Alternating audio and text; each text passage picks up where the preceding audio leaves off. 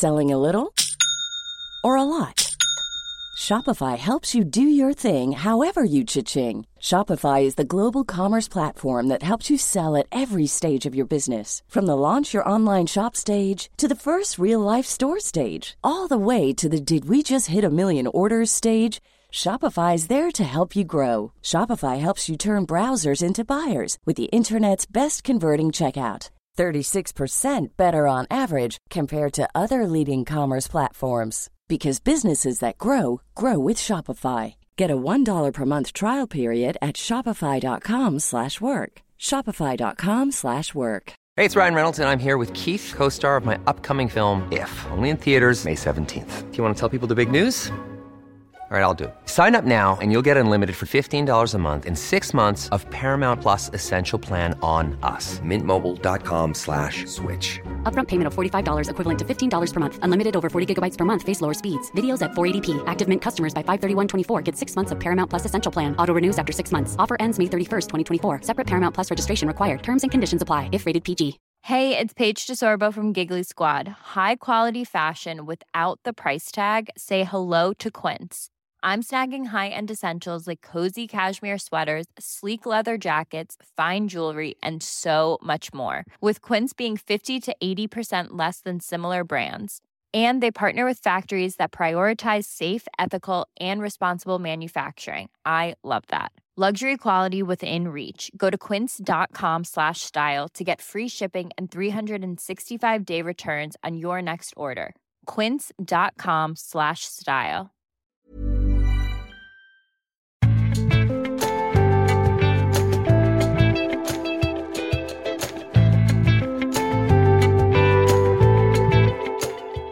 Ungt trosforsvar og gammel CS Lewis-kjærlighet. Dette er Tore og Tarjei, en podkast fra dagen.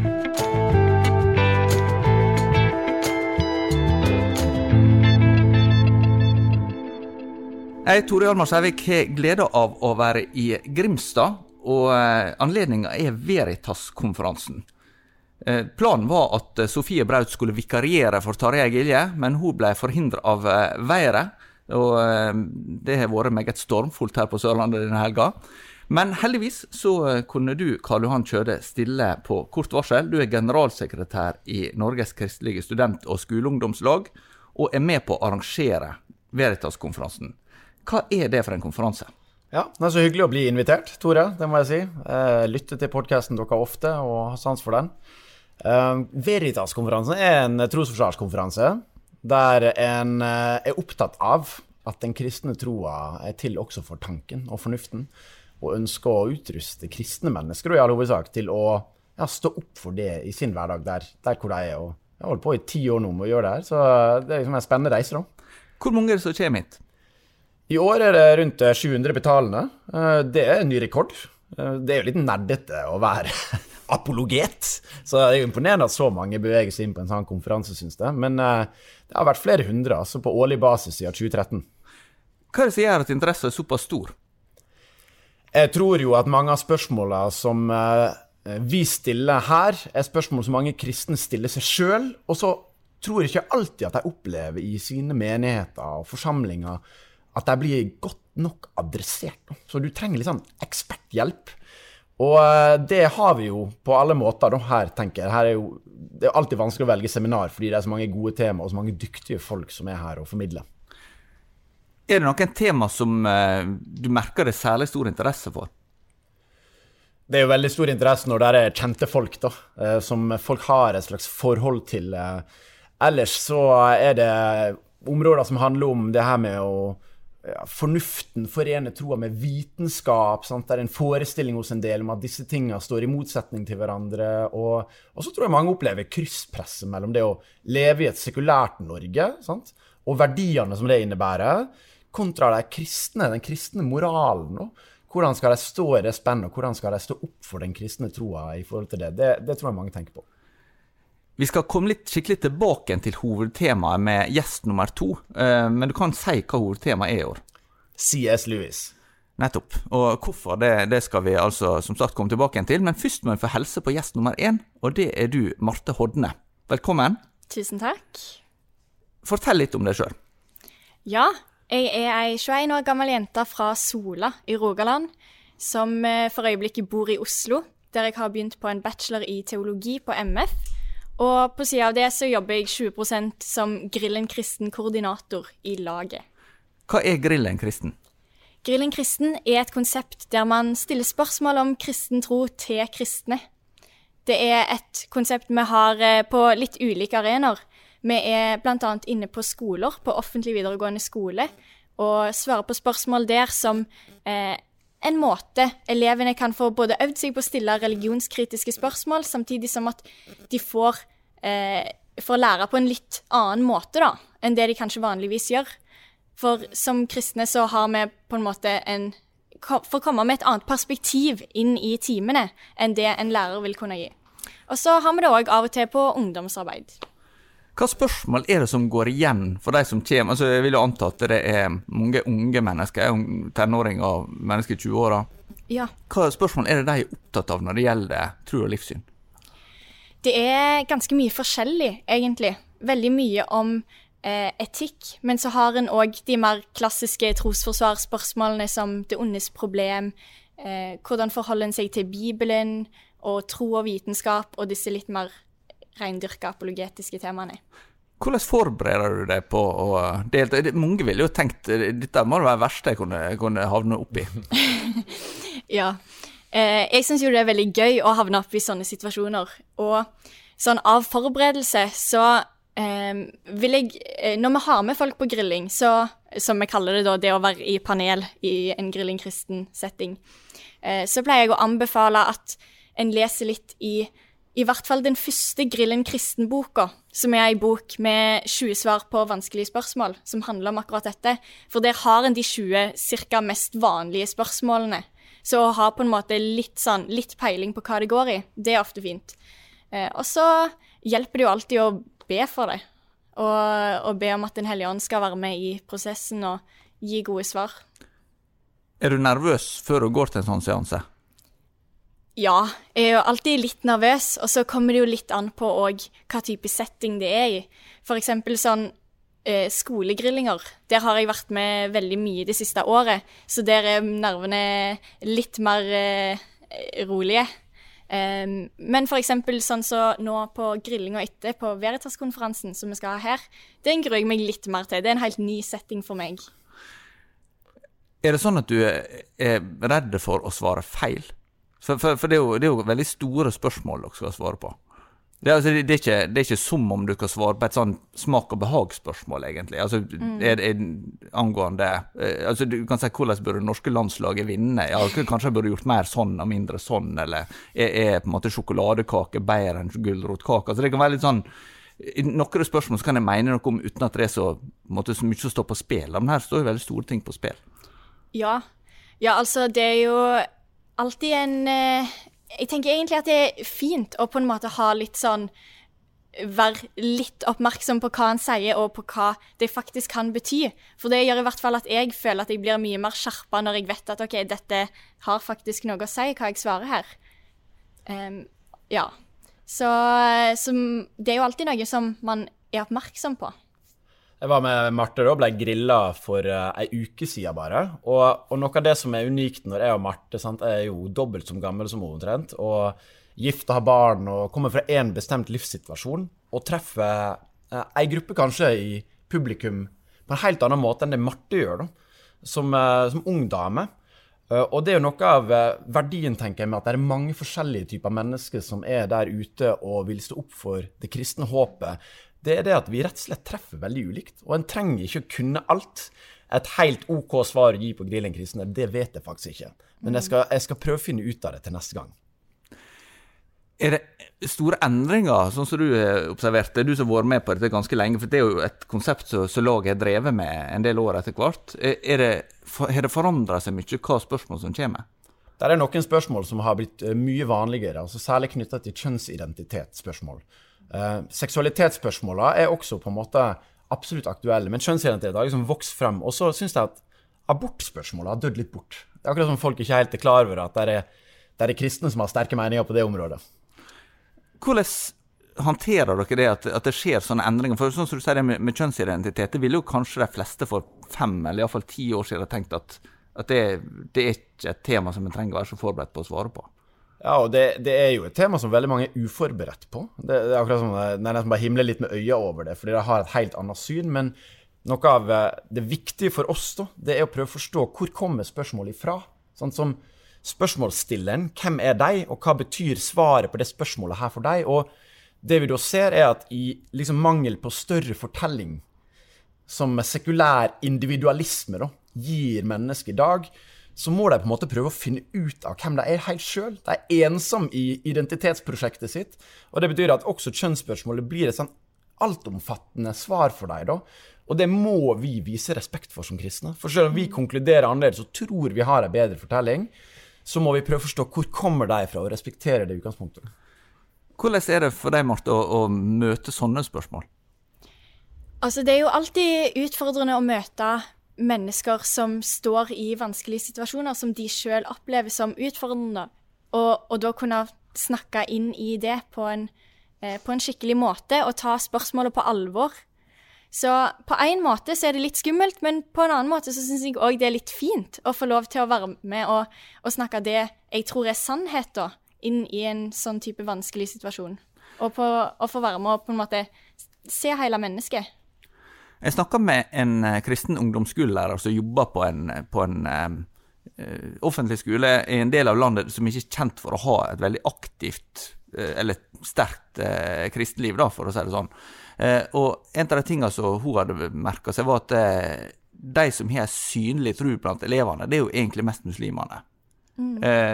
det betyr ikke at det ikke finnes kristne, men, de er ikke like synlige. Hvordan opplever du det? Ja, Altså, når, når vi reiser rundt, så er det mitt inntrykk òg at eh, muslimer er ofte mye tydeligere på at de faktisk har ei tro, mens det er sjelden kristne eh, er veldig uttalte om det. Det har hendt at det kommer folk opp til oss og sier ja, vi må jo hilse, jeg òg er kristen og, eh, og syns det er gøy, men som regel så er det oftest muslimene som er tydeligst på det. Hvordan utfordrer det dere i laget, Karl Johan? Nei, Det utfordres jo ved at vi, vi, som en usynlig minoritet har på en måte et mye lengre stykke vei å gå med og frimodigere oppleve enn de som umiddelbart blir gjenkjent for hijaben de bærer, f.eks. Så det er mye lettere å gjemme seg bort som en kristen. Eh, også fordi vi har så mye kristent i kulturen vår som du på en måte kan ikle deg som alle andre. da. Eh, men noe av det kule sånn som er Marte da, sin historie også, er jo at når vi våger å ta steget ut i synligheten og stå opp for noe, så er faktisk ikke det en opplever at eh, folk hater en, eller at en, en blir så veldig forakta eller utstøtt osv.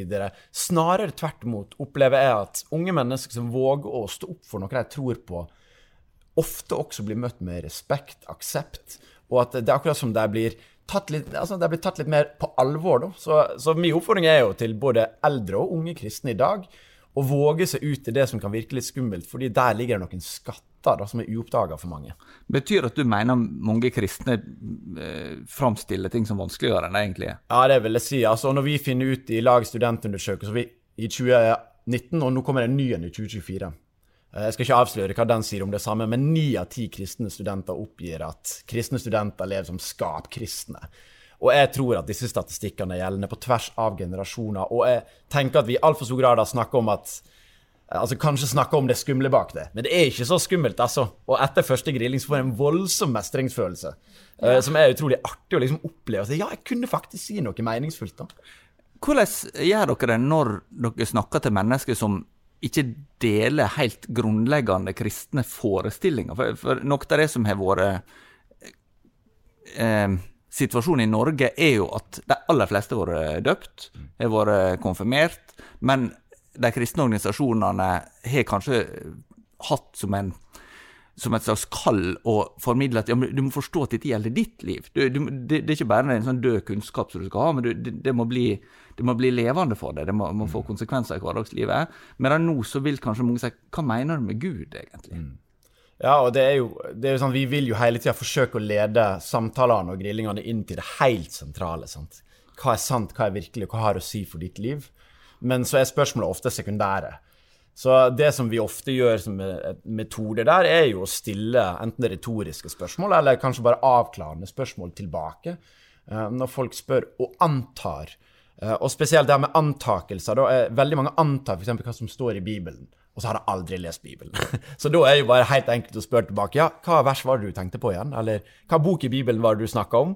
Og så vil du umiddelbart oppleve at her er her er et vakuum av kunnskap. De bare, de bare på en måte reproduserer fordommene som de har hørt andre plasser. Og så blir de usikre på sin tro. Og da kan du begynne å snakke om din tro på en måte hvor de ofte er mer også mottakelige for det. Hva er din erfaring der, Marte, med, med, å snakke med de som ikke har eh, ja, noe nevneverdig kunnskap om kristen tro? Nei, altså jeg syns egentlig det er veldig fint. Og så lenge en er litt oppmerksom på at her må en faktisk bruke et språk som de forstår. En kan ikke bruke alle disse vanlige kristne termene uten å forklare dem. Og så lenge en faktisk tar høyde for det, så syns jeg det er veldig fint å få lov til å faktisk forklare hva er det egentlig den kristne troa går ut på. Og kunne gi et skikkelig bilde på det, da. Hva betyr for din del å være på Veritas-konferansen? Du fortalte at du har gått her på Bibelskolen i Grimstad på De har jo ei Veritas-linje. Eh, jeg, jeg, traff en som lurte på Var det en sånn her eh, konferanse om, om, mer sånn eh, sikkerhetsspørsmål, da? Eh, det, det, norske Veritas driver jo med, med, å trygge oss på forskjellige måter. Men, eh, men eh, det handler jo om det latinske ordet for sannhet. Ja. Der, av verifisere. Eh, men, men eh, hva betyr for din del å, å være en del av dette miljøet? Jeg syns det er veldig fint. Nå, du nevnte jo at jeg har gått Veritas-linja, og så jobber jeg i laget med Grilling kristen, og i tillegg har jeg tatt et par av apologetikkemnene de har på NLA. Sånn at jeg føler jeg har liksom litt fra alle organisasjonene som er med på å arrangere Veritas-konferansen. Så, som gjør at jeg syns det er veldig fint å få lov til å være med og få se hva som skjer, og få se at folk faktisk syns det er spennende med apologitikk, og at vi sammen kan faktisk få lov til å bli utrusta til å dele troa vår.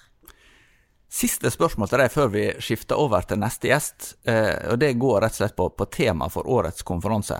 Ja. Hva betyr CS Lewis for deg? Ja, bra spørsmål.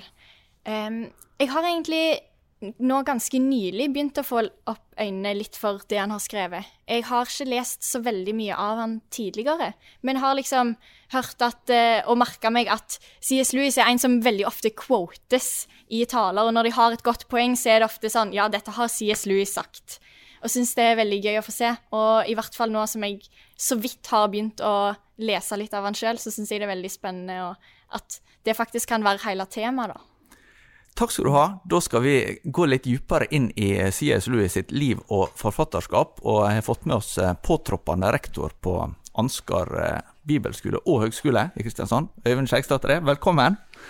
Tusen takk. Eh, I år er det 60 år siden C.S. Lewis døde, og det er 125 år siden han ble født. Og flere av bøkene hans kommer faktisk på norsk i år for første gang. Men mange har jo kommet også tidligere. De, fleste, de mest kjente er jo Narnia-bøkene, men han har skrevet veldig mye mer enn det. Hvordan ble du sjøl interessert i C.S. Lewis? Og da, Det kan jeg lukke øya og se for meg. Eh, at vi sitter rundt uh, spisebordet hjemme i stua til en ungdomsleder, som jeg hadde da når jeg var ung. Og det var uh, kringle og eplejus og te. Og så leste han høyt fra den boka som heter 'Djevelen dypper pennen'. Og vi var superfascinert i begynnelsen. Eh, og så, det, så det, det, jeg kan kjenne det i kroppen ennå. Ingen problem. Ja, ja.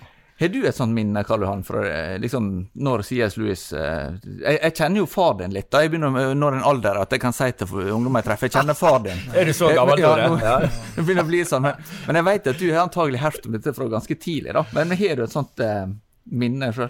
Ja, det første minnet mitt med Sis Louis var liksom sengelektyre med Narnia. da. Så jeg har liksom blitt oppfostra med hele den der sjubindsserien fra jeg var liten av. Og så gikk det litt tid før jeg oppdaga det sjøl, det må jeg si. Ja, for, for, meg så var det sånn at uh, det var en sånn hobby, og så var det jo først når jeg var student at det ble en faglig interesse. Ja, ja, ja og ja. Hvorfor ble det faglig interesse for deg? Ja, si det. Jeg husker, Det er jo en ting som jeg husker veldig godt. Eh, for jeg kom til det punktet at jeg skulle skrive sånn hovedfagsoppgave. altså liksom, Hva skal en jobbe med da? Og Så var det en del forskjellige ideer, og så, og så endte jeg opp på kontoret til professor Paul E. Salvesen, som også er en C.S. Lewis-fan. Og når vi hadde snakka sammen i ja, noen minutter, så skjønte jeg at okay, dette skal vi jobbe mer med. Ja. Eh, og så skrev jeg en hovedoppgave om, eh, om hans skjønnlitterære forfatterskap, egentlig. Mm. Ja. Eh, det er jo litt spesielt med Louis, han var professor i, eh, i middelalderlitteratur, vel egentlig? Ja, det er sære greier. Ja, Men eh, han eh, skrev jo, og var ateist fram til han var sånn vel 30 år. Eh, men så ble han jo på 1900-tallet kanskje, altså det er jo vanskelig å måle, men kanskje den mest kjente eh, kristne forfattere av, av alle. Hva er det med forfatterskapet som gjør at det, det blir lest? Han regner jo med å bli glemt ganske fort sjøl, men, men, likevel så leser folk bøkene hans fortsatt. Ja. ja, hva er det som gjør at det fremdeles er så relevant, og fremdeles er så mange som leser det? Jeg, jeg tenker det er tre ting. For det første så Han skriver sjøl en, en liten sånn essay som heter om tre måter å skrive for barn på. At det er, det er to, to gode, dårlige måter og en god måte. Eh, det dårlige er å gi barn det de trenger, eller det dårlige er å gi barn det de vil ha. Men det gode, det er å skrive om det som jeg har inni meg. Det som jeg er opptatt av, det som er sant og ekte. Eh, og det tror jeg jo han gjør. Ikke bare når han skriver til barn, men til alle. Det er det ene. Det andre er at uh, han skriver veldig gode fortellinger.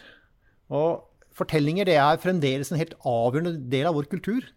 Han skriver en utrolig god fortelling om seg sjøl. Så skriver han jo Narna-fortellingene og denne science fiction-trilogien, som, som, alle er fortellinger som det er lett å bli fengsla av. Ja. Og så er han jo en viktig apologet i tillegg. ikke sant? Ja. Hvordan opplever du det, Karl? For du var inne på det til å begynne med, med eh, fornufta sin betydning. altså Det å vise at eh, kristen tro er ikke irrasjonelt. Men noe av det interessante med Louis er at han forener fornuft og fantasi, eller imagination. Det er jo ikke helt, altså Sånn som jeg forstår så er vel imagination et på en måte litt rikere uttrykk enn fantasi. altså Det, er slags, det handler også om forestillingsevne. Ja. Men, men, men, hva er det Louis får til der, som, som eh, blir så dynamisk? Han får til det vi trenger å jobbe med å få til nå. Eh, i vår tid, som er full av historiefortelling. sant? Uh, sju timer bruker gjennomsnittet tenåring i uh, digitale verden hver dag, og mye av det handler om å bli mata med Hollywood-fortellinger. Og vi trenger å liksom jobbe med det her og, og utvide og strekke fantasien og forestillingsuniverset om hvordan kunne verden vært? For på en måte i den der, i den forestillingen Hva er den best tenkelige verden? Og, og, hva er det egentlig vi er skapt for? Som mye av liksom lengselen som som gjør at du er villig til å leve annerledes, da, og omvende det. Fra liksom mange andre dystopiske forestillinger om verden som er ganske mye vanligere i dag. Og her, her liksom, Jeg kunne ønske at vi så flere liksom, gode skjønnlitterære kristne forfattere i vår tid. og tenk at det kanskje Kanskje er det det neste sånn store innenfor trosforsvaret i Norge også, at vi klarer å få fram enda mer av det. Ja, En av innvendingene mot trosforsvar går jo på det som du har nevnt, at det kan bli litt nerdete. Altså Hvis du begynner Jeg tenker Hvis at et ord som, som eh, aminosyre er del av ditt teologiske resonnement, så har du kanskje mistet en del, en del tilhørere ganske tidlig. Ja, du har mistet meg også, vet du. Ja. Så er det sånn, og, og, og, jeg tenker det er ikke Å ha et fornuftsmessig forsvar innebærer ikke nødvendigvis å, å, å være vitenskapelig i termer og tilnærming.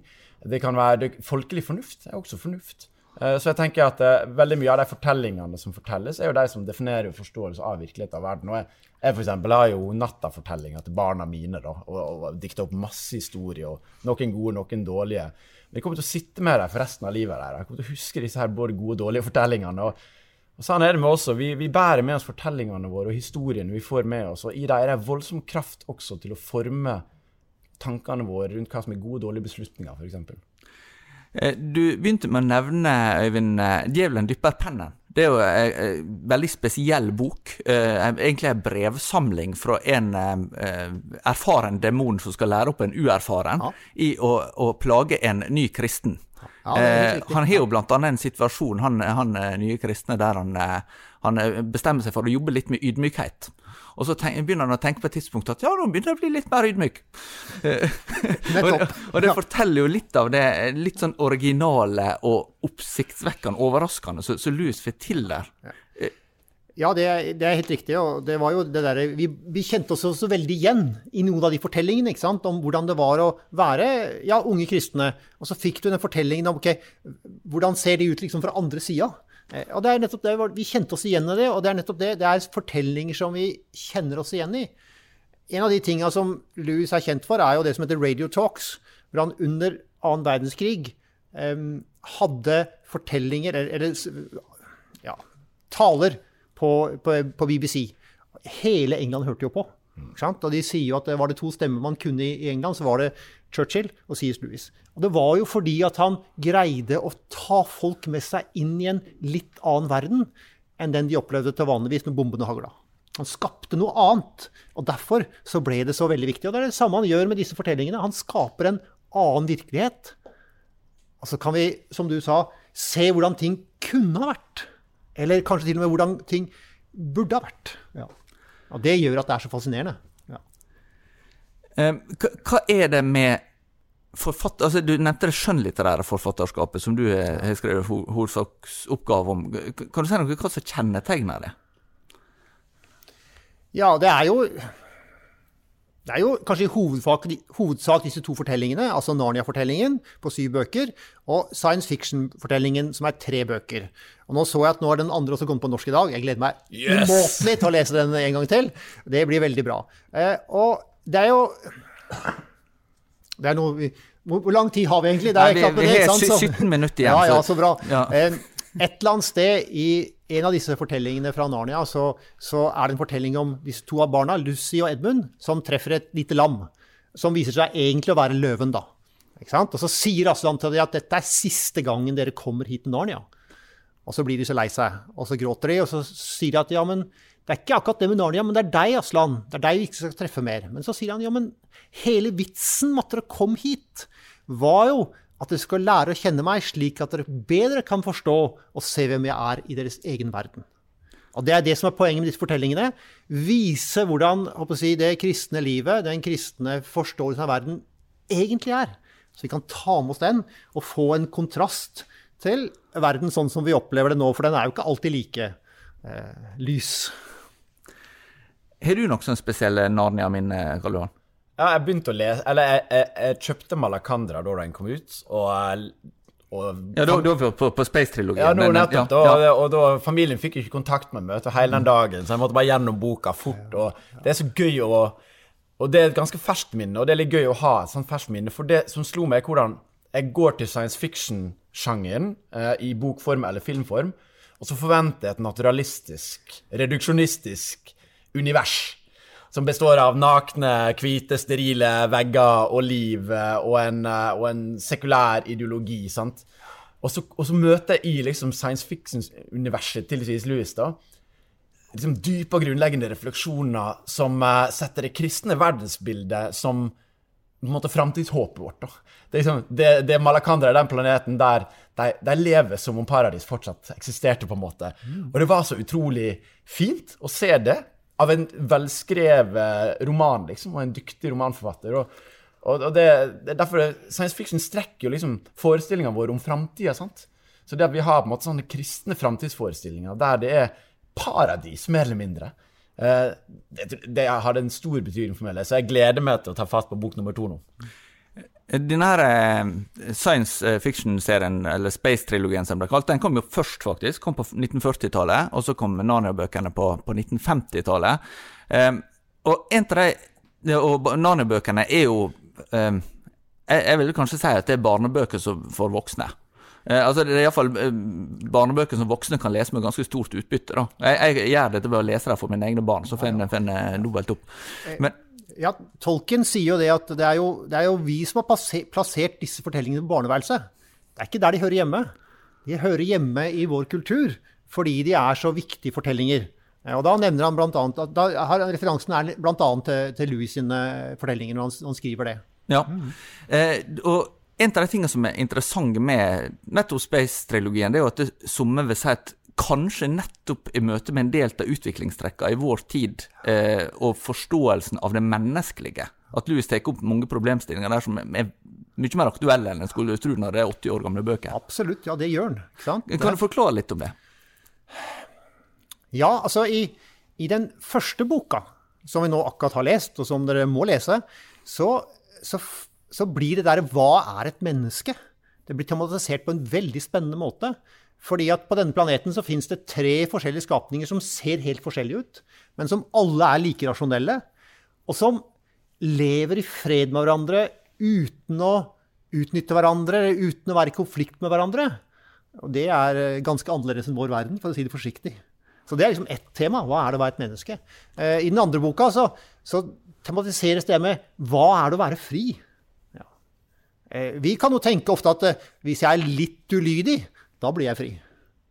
Men, men, det er nettopp det motsatte. Gjennom å være lydig, så vinner de friheten. Det er helt snudd på huet i forhold til hva vi ofte ser i vår verden. Eh, så ja, helt sånne sentrale temaer, og en mange andre som, som, tematiseres, og som gjøres på en måte som du ja, du blir fengsla av det. Det er lett å lese. Du liksom blir dras inn i en god fortelling. Her på konferansen så skal du ha et seminar om forståelsen av synd i, ja. uh, i Space-trilogien. Ja, I hvert fall om, om syndefallet. Og, liksom, ja, ja. og det er sånn Er det relevant, liksom? Er ikke det gammeldags? Men jeg tror ikke det er det. Og det sier akkurat noe om disse temaene. ikke sant? Hva, hva er det egentlig å være et menneske? Hva er den opprinnelige ideen? Og, og, kan vi se noen glimt av den? Og hvis vi kan se det, hva kan vi bruke det til? Til å skape en kontrast til verden sånn som vi opplever den nå. Hvordan eh, opplever du det, Karl Johan? Altså, det å snakke om, om, synd er jo ikke det som eh, ja, Apropos grillen kristne, altså det er jo kanskje ikke den, den tematikken som de fleste syns er lettest å tematisere. Vi, vi, det er jo flere som har påpekt at vi, vi lever noe mer i en skamkultur enn i en skyldkultur. Mm. Eh, og, og, det har ganske store konsekvenser. For at hvis, du, hvis en skammer seg for noe, så er det et eller annet med at da, eh, da har du andre løsninger på det enn hvis du faktisk har skyld for noe. Ja. Ja, virkelig. Og i skamkulturen vi lever i, så er jo svaret å finne en skyldig part utafor seg sjøl som har påført deg skam. sant? Og så skal du uh, spikre den til korset, for det er den gjorde. Og det, det på en måte, den tilnærminga til sitt eget indre liv leder jo veldig sjelden til en god selvransakelse. Mens skyldspørsmål og synsspørsmålet hjelper jo fort til det. Uh, og, jeg, og, jeg, opplever egentlig at derfor så er det deilig å snakke om synd. Det er litt sånn, ja, frigjørende for folk som får et språk for sin sjølopptatthet. Og, og, det bryter veldig tvert med det som ateisten John Gray skriver i boka 'Seven Types of Atheism'. Der er det knallharde kritikken mot uh, sekulær humanisme, altså Humanites forbund. veldig mindre, da. Uh, og måten som han sier, de plasserer den kristne håpsfortellinga innenfor vår tid. Ikke, ut, ikke, ikke, det hinside, men innenfor det, det denne side. Og så sier de at mennesket beveger seg mot det stadig bedre da, på et moralsk spektrum. Liksom, vi går fra dårligere til bedre hele tida. Men så oppdager vi at det gjør vi jo ikke. Det er bare til å se på hver enkelt av oss. Vi gjør ikke det. Vi er ikke en kontinuerlig moralsk forbedring. Samfunnet ikke nå ser vi også en uh, kontinuerlig moralsk forbedring. Rett og slett så er det trender i storsamfunnet, det globale samfunnet, som viser at nå går vi tilbake igjen, da. Så, så jeg tenker synd er på å adressere noe av den overtroa vi har på mennesket innenfor den norske type humanismen. da. Så det er deilig å snakke om synd på noen måter, og veldig utfordrende på andre måter. For det handler jo også om mitt liv, sant? og mitt indre. Hovedpersonen, Det er en stund siden jeg la Space-trilogien sjøl, men, men, hovedpersonen er jo han Ransom, som, som, blir på en måte dratt inn i denne virkeligheten uten, uten å ville det sjøl. Ja, ja. hva, hva, kan han fortelle oss om, om vår situasjon? Ja, altså um, Han heter jo Ransom, som uh, ja, vi oversetter med løsepenger eller et eller annet sånt. ikke sant? Uh, og det har selvfølgelig en dobbel betydning i boka. Det må du lese for å, tror jeg, for å finne ut av det. Men, men eh, Han kommer til det punktet der i, i, i, den andre boka hvor han må stille seg spørs, spørsmål om hva det egentlig vil. Hva er det egentlig som mitt liv skal handle om? Og så leter han vel egentlig etter om noen kan hjelpe ham med å liksom si OK, men gjør dette.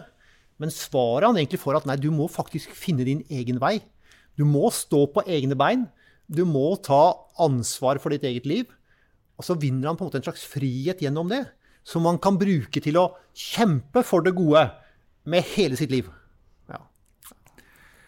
Eh, noe av Louis sitt prosjekt det var jo å forene det med sannhet, skjønnhet og godhet. Det er jo sånne dimensjoner som en ofte kommer tilbake til i, i apologetikken.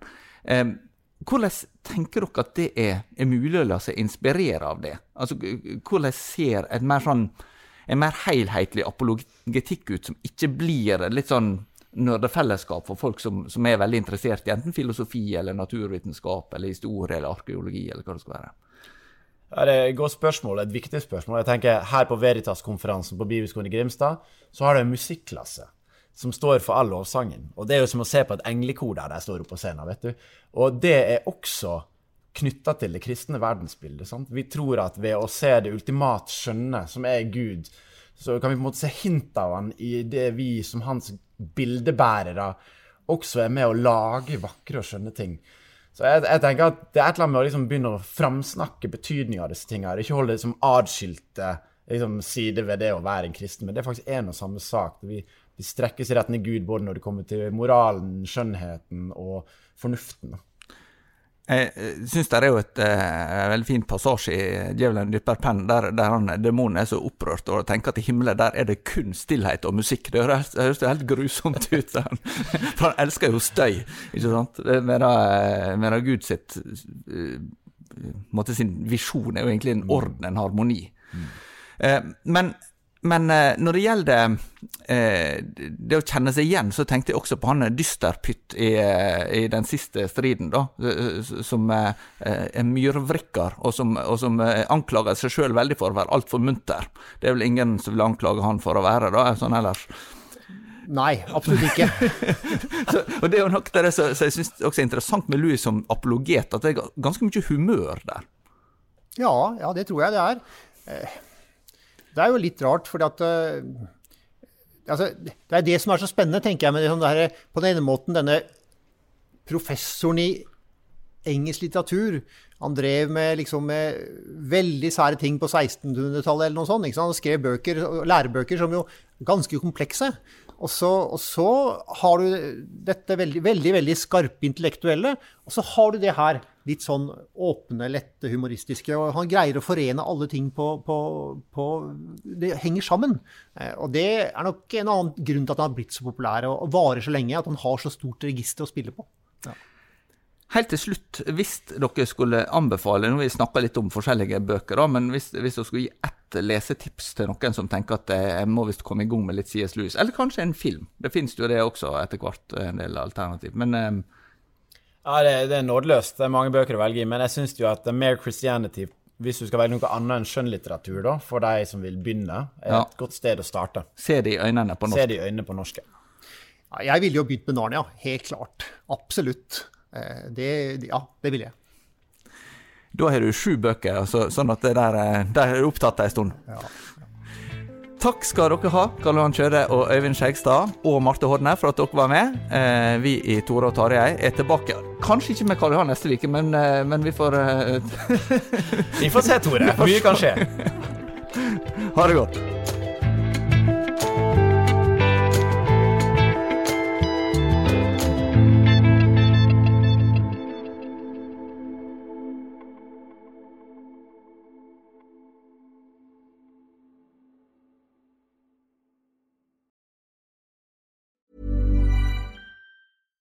Selling a little or a lot? Shopify helps you do your thing however you cha-ching. Shopify is the global commerce platform that helps you sell at every stage of your business. From the launch your online shop stage to the first real life store stage, all the way to the did we just hit a million orders stage.